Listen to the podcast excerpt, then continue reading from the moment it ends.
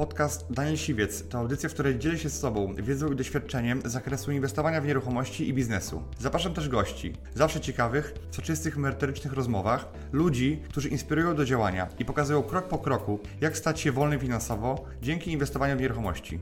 Posłuchaj ich historii, zastosuj modele działania, wykorzystuj narzędzia i uzyskuj podobne rezultaty.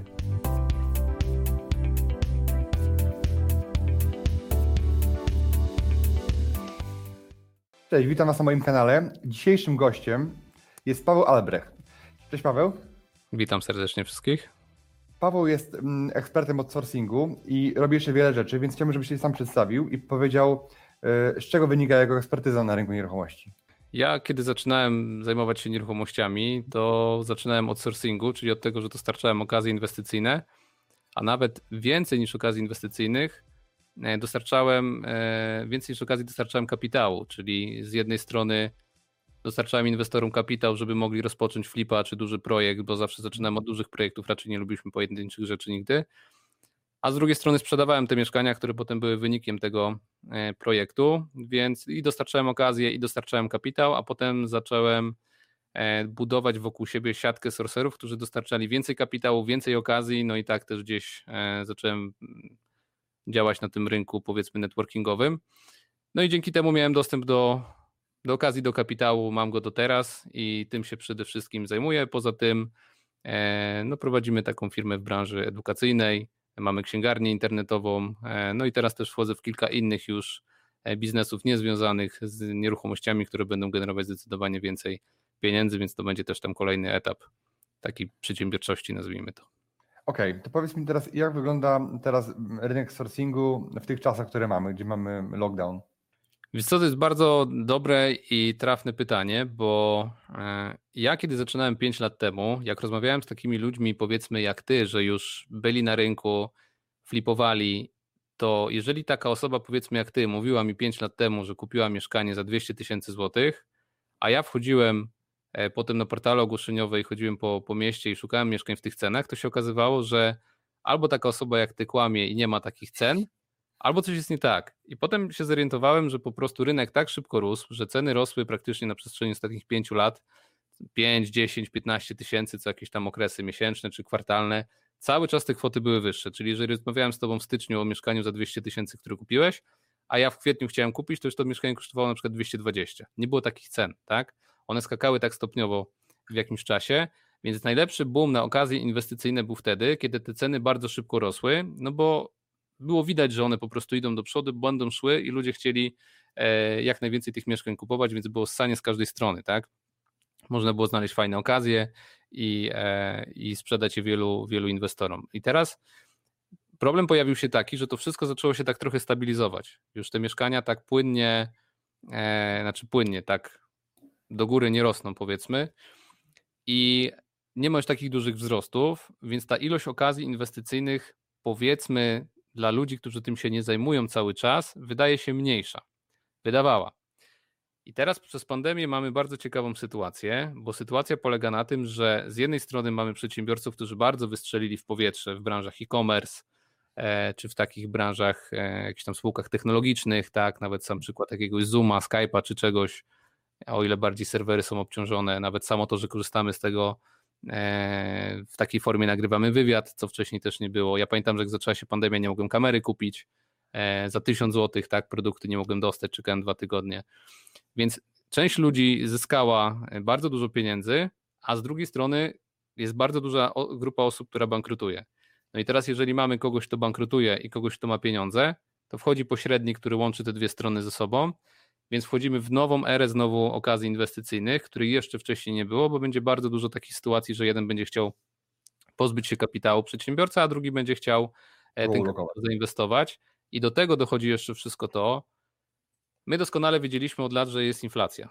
Wszyscy to wiedzieli. Natomiast teraz już nikt nie ma żadnych złudzeń, że trzymanie pieniędzy na koncie to jest po prostu zabójstwo bo nie wiadomo kiedy albo rząd zatrzyma te pieniądze i zablokuje, bo są też takie możliwości, kas może zablokować po prostu tak, e, zablokować pieniądze i, i nie masz dostępu do konta, więc ludzie się tego boją. Ludzie boją się tego, że te pieniądze zaraz będą coraz mniej warte, zaraz będziemy mieli banknot 1000 złotowy.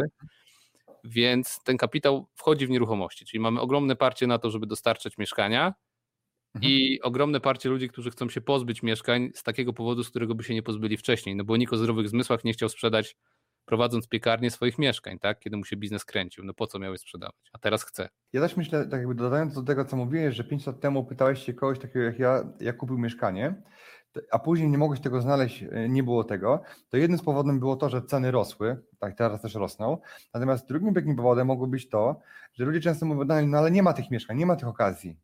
A ja mówię, bo tych okazji nie znajdziesz w internecie, na zasadzie na wyciągnięcie ręki nikt ci ich nie wyłoży. Musisz pójść, dogadać właściciela, wynegocjować tą cenę i wtedy ją masz, ale nikt o tym nie mówi. Nikt nie ogłasza tego w internecie, że ta i ta osoba kupiła za tyle i tyle. Tak? Nie ma tych cen publicznych, więc e, to, to, to, to, też wynikało jakby z tego, że tych okazji nie było na rynku. One, ja, ja szedłem na mieszkanie za 250 i negocjowałem na 200. Tak? Dlatego go kupowałem, prawda? Więc jakby to jest taki drugi, drugi element. Tak, jest okay. coś takiego, natomiast e, dodając tylko do tego jedną rzecz, Kiedyś, jak my przygotowywaliśmy, bo zapomniałem na wstępie dodać, e, czy nie powiedziałem po prostu, że mm, przede wszystkim zajmowałem się gotowcami inwestycyjnymi, czyli tworzeniem mieszkań dla inwestorów, a nawet bardziej ich sprzedażą. Byłem odpowiedzialny za sprzedaż tych mieszkań inwestorom w bardzo dużej takiej ilości. Myślę, że najwięcej mieszkań w Polsce sprzedawałem tych e, tego typu. I numer polega na tym, że my kręciliśmy nawet we Wrocławiu zwroty powyżej 10% z najmu. I z roku do roku ten zwrot spadał z 10 na 9,5, na 9, 8,5, 8, 7. I to, to też pokazuje to, że te zwroty po prostu stopniały, bo najem nie poszedł w górę, a mieszkania e, cały czas rosną. Bo Paweł, ty jesteś osobą, która zajmuje się networkingiem i robisz takie eventy, które pomagają ludziom pozyskiwać e, kapitał. Natomiast jak to teraz wygląda, jeśli, jeśli nie mamy eventów, nie mamy spotkań publicznych, e, mamy tylko spotkania online e, i gdzie teraz szukać inwestora według Ciebie? Gdzie można go poznać i jak można zbudować z nim relacje i zaufanie? To też jest dobre pytanie i ja pamiętam czasy, kiedy, znaczy teraz w Polsce dalej tak jest, jednak Polska trochę mentalnie jeszcze jest do tyłu, powiedzmy, za Stanami z takimi rzeczami i ludzie, którzy e, chodzą i mówią o konferencjach, są traktowani przez resztę społeczeństwa czasami trochę dziwnie. Natomiast teraz to pokazuje, że, że osoby, które przychodziły na takie wydarzenia, na, na eventy, na przykład, które ty organizowałeś w wielu miastach, które my organizowaliśmy, to były osoby, które są teraz wygrane, no bo w jaki sposób możesz poznać ludzi, którzy e, dostarczą ci kapitał, dostarczą ci okazję, jak nie na takim wydarzeniu, gdzie, gdzie tych ludzi możesz spotkać. No bo jeżeli kupuję bilet za 100, 500, 1000 czy 5 czy 10 tysięcy złotych, kwota nie ma znaczenia, tak? Po prostu kupuję bilet i mam możliwość spotkania 100 osób, z czego powiedzmy 3 osoby na koncie mają 2 miliony, kilkanaście osób ma na koncie 200-300 tysięcy złotych, kilkanaście osób chce szukać okazji, E, kilkanaście osób e, ma kontakty do, do różnych tam firm księgowych, do notariuszy, do prawników, do budowlańców, jest parę ekip budowlanych na sali, no to zajmując się flipowaniem nieruchomościami czy pośrednictwem, no w jakie inne miejsce można pójść niż na takie wydarzenie stacjonarne, lepsze, na którym możemy e, wszystko zdobyć w jednym miejscu. No i teraz osoby, które nie przychodziły na takie spotkania stacjonarne mają trochę problem, no bo nie bardzo jest gdzie tych ludzi spotkać, Natomiast e, są też e, rozwiązania wypracowane powiedzmy przez te największe e, grupy szkoleniowe w Polsce, które pozwalają to dalej robić. No i najprostszym sposobem na spotykanie inwestorów jest dołączanie do zamkniętych grup na Facebooku, takich grup szkoleniowców różnych, tak, gdzie są wszystkie te osoby już, które kiedyś spotykały się stacjonarnie. No i ja nie widzę teraz prostszego sposobu niż dołączyć do jakiejś grupy, gdzie jest 500 osób, czy kilkaset osób i powiedzieć: Cześć, jestem z Wrocławia, jestem nowy, chcę zacząć działać. Spotkajmy się proszę nie wiem, na rynku, gdziekolwiek, podjadę do biura, powiecie mi, co możemy robić, jak możemy zacząć pieniądze i organizować się we własnym zakresie, pomijając te, te różne obostrzenia, zakazy organizacji spotkań w hotelach dla większych grup. To jest najlepszy sposób na to, żeby to e, robić, no bo jak inaczej, tak? Tak, dokładnie. Ja mam też swoją grupę inwestorów, gdzie jest ponad tysiąc członków, moich samych absolwentów. To jest zamknięta grupa, gdzie na przykład przychodzi taki nowy absolwent i on ma okazję. Na przykład Piotr Adamczyk, który był w finale Bitwy Milion w moim reality show, on napisał, nie ma żadnego kapitału, napisał na grupie i kupił 8 mieszkań w ciągu 4 tygodni, tylko i wyłącznie za pieniądze pochodzące od inwestorów z zamkniętej grupy. Czyli ludzi, którzy znali mu unikalny sposób robienia flipów, e, wiedzą, że on też jest po szkoleniu, więc wiedzą, że ma wiedzę, jak to robić i oni mu tego kapitału też na warunkach, których ja uczę, udzielili, tak? I są zadowoleni. A normalnie no, ludzi, można powiedzieć, jak z wielkiego forum, Facebooka, czy na grupach takich typowo nieruchomościowych, gdzie są wszyscy i o wszystkim, to, to nie jest tak łatwo, żeby bez jakiegoś zaufania czy wejścia. Tak, tak no ja jeszcze widzę drugi sposób, no ale to jest bardzo, bardzo, bardzo podobny, czyli jeden sposób jest taki, że kupuję bilet do jakiegoś szkoleniowca, wchodzę na tą grupę i w tej grupie już jestem jako absolwent, więc mam pełną, pełne prawo do pisania tego, co mi się podoba, tak? No bo nie można traktować ludzi tak, że jedni zapłacili, a inny wchodzi, nie płacił i, no tak, e, i robi to samo. Nie był na szkoleniu, no nie może być do tej grupy. I no też bo... jakby nie rozumie, jak grupa funkcjonuje, nie zadaje głupich pytań. No ale to jest jedna rzecz. Ale druga rzecz jest taka, my na przykład mamy taką grupę znajomych zbudowaną, którzy generują obroty między 10 a 100 milionów złotych rocznie. No jest tam parę osób, które ponad 100 milionów rocznie obrotu generują. I to są osoby, które ja poznałem kiedyś na swoich wydarzeniach i zasada jest prosta. Jeżeli chcesz się z nami spotykać, to przyprowadzasz jedną, dwie, trzy osoby na podobnym poziomie jak ty i wtedy możemy się spotykać. I to jest na takiej zasadzie, że ja dzwonię, mówię: Cześć Daniel, e, idziemy gdzieś, nie wiem, pojeździć na motorach, na kładach, na strzelnicę, jedziemy do Pragi, jedziemy na narty do Austrii, czy jedziesz z nami, weź dwóch kolegów bogatszych i się spotykamy.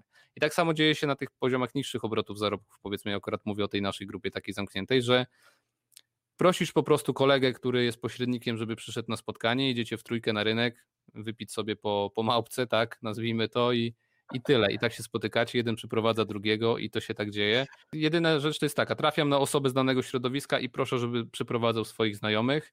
Trzeba mieć swój wtedy arkusz zrobiony, wpisywać tych ludzi. Poza tym można też w biurach się spotykać, tak? Znaczy w biurze nieruchomości e, z, z agentami to nie jest problem dzisiaj, żeby... żeby... No, miejmy nadzieję, że czasy się trochę unormują i wrócimy do tego, do tego co było. Tak? Mi też brakuje kontaktu z ludźmi, takimi nowymi i e, dużych wydarzeń, bo to jest zawsze inna energia niż e, zwykła rozmowa, czy, e, telefon czy online. Okej, okay, a wiem, wiem Paweł też, też, że od jakiegoś czasu zajmujesz się e, biznesem polegającym na wynajmie kwater pracowniczych. Jakbyś mógł powiedzieć tutaj osobom, które oglądają mnie, na czym to polega i na czym się zarabia w tym biznesie? E, no, trendy na rynku nieruchomości się zmieniają. Kiedyś takim głównym trendem na rynku nieruchomości było to, że wynajmowało się kawalerki. Potem ludzie popowali się, że można zarabiać więcej na wynajmie e, mieszkania niż e, na samej kawalerce, więc zaczęto dzielić duże mieszkania na, na, na pokoje. No i teraz zasada była taka, że jedno okno, jeden pokój. No i tych mieszkań wielopokojowych powstało mnóstwo. Meble z Ikei, młode pracujące osoby mieszkające w tych mieszkaniach, czy studenci i to były gotowce inwestycyjne na wynajem. No i wydawało się, że to będzie trwało bardzo długo.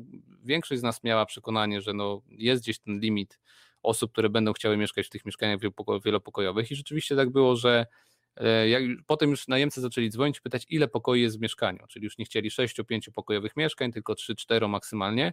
I już gdzieś to było widać, że ten trend e, wygasa, natomiast e, no, wielu inwestorów zrobiło mnóstwo pieniędzy na najmie, na sprzedaży takich mieszkań, na obsłudze tych mieszkań i tak dalej. No i pojawił się wielki problem pod tym tytułem, że między innymi ja miałem sporo takich mieszkań we Wrocławiu, no i okazało się, że te mieszkania e, z końcem umów tam z 31 sierpnia e, w tym roku powiedzmy hmm. pandemicznym, który się zaczął, najemcy chcieli wypowiadać umowę i wracać do domu do rodziców, no bo te osoby, które e, straciły pracę, czy które były na studiach, no wracały po prostu do domów rodzinnych i albo pracowały zdalnie, bo też nie wszyscy tracili pracę, ale większość osób przeszło zdalnie na, na pracę. No nie wiem, czy wiecie, w Noki pracuje we Wrocławiu kilka tysięcy osób i oni wszyscy do tej pory praktycznie e, kilka tysięcy osób wróciło do domów i siedzi w domach, tak? Ludzie w wielkich korporacjach powracali do domów, siedzą w mieszkaniach, więc wracają często do domów rodzinnych i zaoszczędzają te 1000 czy 2000 złotych miesięcznie na najmie.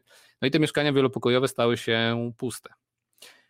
No i teraz e, z racji tego, że my Współpracujemy z różnymi osobami. Ja współpracuję z, z Mariuszem, który pracuje u mnie w biurze. Mariusz miał kilka kwater pracowniczych zrobionych w domach. Ja na te kwatery pracownicze patrzyłem zawsze tak z przymrużeniem oka, no bo to się kojarzy z budowlańcami, którzy robią borutę, piją, są problemy, biją się i tak dalej. I takie jest ogólne wyobrażenie Polaków o kwaterach pracowniczych o samej tej nazwie. Takie to wywołuje skojarzenia. No i numer polega na tym, że okazało się, że e, do takiego mieszkania można wprowadzić większą liczbę osób e, i, i takie mieszkania generują więcej niż wtedy, kiedy były wynajmowane na pokoje. No i ja mhm. poprosiłem Mariusza, żeby rzeczywiście wynajął te moje mieszkania na. E, zakwaterował tam po prostu osoby, które będą w tych mieszkaniach mieszkać już pod taką kwaterę pracowniczą. No i rzeczywiście nie dość, że nie miałem problemu z utrzymaniem obłożenia przez to, że studenci czy pracownicy wyjechali normalni, tacy pracujący, mieszkający wcześniej, to zarabiam jeszcze więcej na tych kwaterach, e, na tych mieszkaniach. I co ciekawe, wielu inwestorów, którzy nie są przekonani do, kwaterach, do kwater, nie wiedzą jak tego robić, mają puste mieszkania, gdzie my od początku, od tej zmiany sezonu najemców zarabiamy jeszcze więcej i nasi absolwenci, którzy już się pokapowali, że warto robić kwatery w tych mieszkaniach też wielopokojowych, zaczynają ściągać od tych ludzi, którzy tego nie wiedzą, te mieszkania i wprowadzają tam ludzi na, na kwatery, ale na mieszkaniach raczej sugerowałbym tego nie robić, bo to jest e, najgorszy pomysł z możliwych w temacie kwater. Kwatery pracownicze najlepiej robi się w domach, w lokalizacjach, gdzie są duże zakłady pracy, strefy przemysłowe, ekonomiczne i tak dalej. Czyli mamy na przykład nową fabrykę Amazona, e, nie fabrykę Amazona, tylko magazyn Amazona. To jeżeli postawią kolejny magazyn w jakimś mieście, to wszystkie domy w okolicy automatycznie rosną wiele, wiele, wiele razy na wartości, no bo wiadomo, że ludzie będą mieszkali jak najbliżej tej, e, tego zakładu magazynu się da. W związku z tym mamy coś takiego, że w Polsce rozwija się bardzo mocno rynek e-commerce. Mi się wydaje, że Polska jest jednym z takim najszybciej rozwijających się rynków pod względem biznesu, magazynów, hal. U nas chyba się dzieje to, co się działo w Niemczech kilkanaście, kilkadziesiąt lat temu. Mamy taki rozpęd po prostu. We Wrocławiu w każdym miejscu, w którym przejedziesz się samochodem powstaje nowy magazyn, ale nie taki malutki, tylko po prostu ogromny, rzędu takiego powiedzmy ćwiartki Amazona. Tych hal powstaje mnóstwo, e-commerce'ów powstaje mnóstwo. Ludzie przez pandemię nauczyli się robić zakupów przez internet i tak jeszcze nie wszyscy, i to cały czas z roku na rok będzie postępować, więc tych hal i firm będzie coraz, coraz więcej. Mhm. No i przez to jest coraz więcej pracowników. Ci pracownicy gdzieś śpią, oni są tymczasowi bardzo często, przyjeżdżają z zagranicy, więc oni nie śpią w hotelach. No bo teraz na czym to polega? Jeżeli e, chciałbym się przespać w Lublinie w hotelu, to jak myślisz, w dwu, trzypokojowym E, hotelu jeszcze w scenach przed pandemią, ile bym zapłacił za dobę? tak? Trzygwiazdkowym hotelu? Czy dwu? Dwu, hotel. Po prostu przyjeżdżam, chcę przespać się najtaniej, gdzie mam kołdrę. I... Taki jakby, tak? E, e, myślę, że między 100 a 120 zł. Tak, najtaniej, tak? Tak, no we Wrocławiu nawet powiedzmy czasami jest to 150-250, tak? W tak, zależności no Przed pandemią można powiedzieć, że 100, ja kiedyś prowadziłem hostel, miałem tam 18 pokoi, to tak około 100 zł za, za pokój. Natomiast y, sam y, widziałem też oferty hoteli trzygwiazdkowych, nawet po 120-130 gdzieś tam poza sezonem takim wakacyjnym, tak? Y, za dobę, tak? tak? I, i, no, to, to są takie najniższe ceny, oczywiście wiadomo, że w górę idziesz wszystko, tak? I, tak, no to mówimy tak tylko poglądowo. No to teraz, jeżeli ja mam brygadę 10 pracowników, którzy na, na przykład pracują w PKP Energetyka i naprawiają tory kolejowe pod Lublinem, no to mam opcję tak, mam 10 chłopa i wprowadzam ich do ciebie do hostelu za 100 zł e, za dobę. Jak będą tam 30 dni, no to za każdego zapłacę 3000, pomimo tego, że jest tylko kołdra i prysznic. Bez mhm. mydła i tak dalej, bez papieru, tylko po prostu miejsce, gdzie można się przespać. Dlatego są kwatery pracownicze, no bo jeżeli jest taka akcja i ekipa przyjeżdża na dwa miesiące na przykład, no to nie wydaje się 3000 zł za pracownika, tylko 500, 550, 600 zł miesięcznie. Czyli to jest kilkanaście, kilkadziesiąt złotych dziennie. I teraz taka jest właśnie różnica i dlatego trzeba sobie uświadomić, że no każdy przedsiębiorca kalkuluje w ten sam sposób, że albo wsadzam kogoś do hotelu dwu, trzygwiazdkowego za 200 zł dziennie, 100 zł dziennie, albo za kilkanaście, kilkadziesiąt złotych dziennie. Dlatego kwatery pracownicze mają takie ssanie, no bo jest coraz większe ssanie na rynku. Ten rynek jest naprawdę wiele, wiele wart. Nie pamiętam z głowy teraz liczb, ale, ale to są już naprawdę bardzo grube e, obroty na tym rynku osób, które zostawiają pieniądze właśnie w takich kwaterach. I cały czas to pączkuje więc jest to jeden ze sposobów, który przetrwał pandemię, działa bardzo dobrze i jest to jeden ze prostszych sposobów na zarabianie pieniędzy. No bo jeżeli mamy 20 osób w kwaterze i każda płaci 500 zł, no to mamy dychę miesięcznie. No to za ile można wynająć dom? 2, 3, 4, 5 tysięcy. No przyjmijmy za 4 tysiące. No to zostaje mi 6 tysięcy. 2 tysiące na rachunki, zostaje mi 4 tysiące złotych na czysto z jednego domu. To trzy takie domy i mam 12 tysięcy złotych miesięcznie. Zarabiam tyle, ile menadżer w korporacji, nie robiąc praktycznie nic to mając 10 tak. kwater można zarabiać kilkadziesiąt tysięcy złotych miesięcznie. Jakby każde miasto jest inne, każde miasto ma inny rynek pracy. E, jakbyś radził sprawdzić takie osoby, czy na te kwatery jest popyt? Przede wszystkim, e, no przynajmniej na naszej grupie kwaterowej widać, gdzie ludzie wrzucają najwięcej ogłoszeń. Mamy kilkaset osób na grupie i codziennie tam ludzie wrzucają. Potrzebuję ludzi w Mysłowicach, w Łodzi, w Białymstoku, we Wrocławiu, gdzieś tam, gdzieś tam. I tam, gdzie częściej te miasta się pojawiają, tam widać, że to ssanie na pracowników E, się pojawia, więc przede wszystkim ludzie, którzy się tym zajmują. No ale oczywiście takim głównym kluczem są tutaj e, zakłady pracy, agencje pracy, ludzie, którzy kwaterują takich pracowników, którzy po prostej informacji, gdzie potrzebujecie zakwaterować ludzi, powiedzą nam po prostu, że Chcemy ludzi wokół Amazona, chcemy ludzi wokół LG, chcemy ludzi wokół tej strefy przemysłowej ulokować. I tutaj kluczem jest przede wszystkim odległość do zakładów pracy.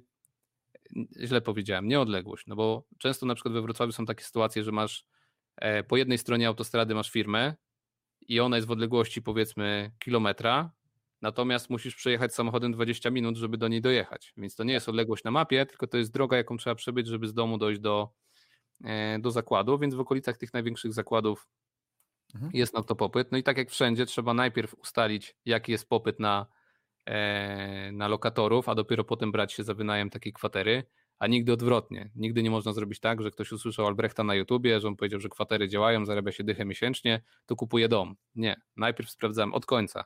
Reverse engineering. Najpierw robimy sprawdzenie, ile najemców chce tam mieszkać, potem kupujemy dom, czy wynajmujemy dom, bo zazwyczaj bierze się je w podnajmie i e, lokujemy tam ludzi. Okej, okay, to y, Paweł, ja Ci dziękuję bardzo za, za, za ten wywiad. Dalsza część rozmowy z Pawłem y, jest na upawa na kanale. Y, link znajdziecie w opisie poniżej, gdzie będziemy rozmawiali na temat biura nieruchomości, biura pośrednictwa, na temat biznesu flipowego w jaki sposób, jakie mieszkania kupować najlepiej na flipa i biznesu deweloperskiego. Także e, w linku e, pod, w opisie jest link do, do kanału Pawła, gdzie jest dalsza część e, godzinna tego wywiadu. Także zapraszam Was serdecznie i do zobaczenia. Dziękuję Ci, że wysłuchałeś do końca. Jeśli ten podcast był dla Ciebie interesujący, zapraszam do słuchania kolejnych odcinków. A jeśli chcesz jako pierwszy otrzymywać powiadomienia o nowych odcinkach, subskrybuj mój podcast.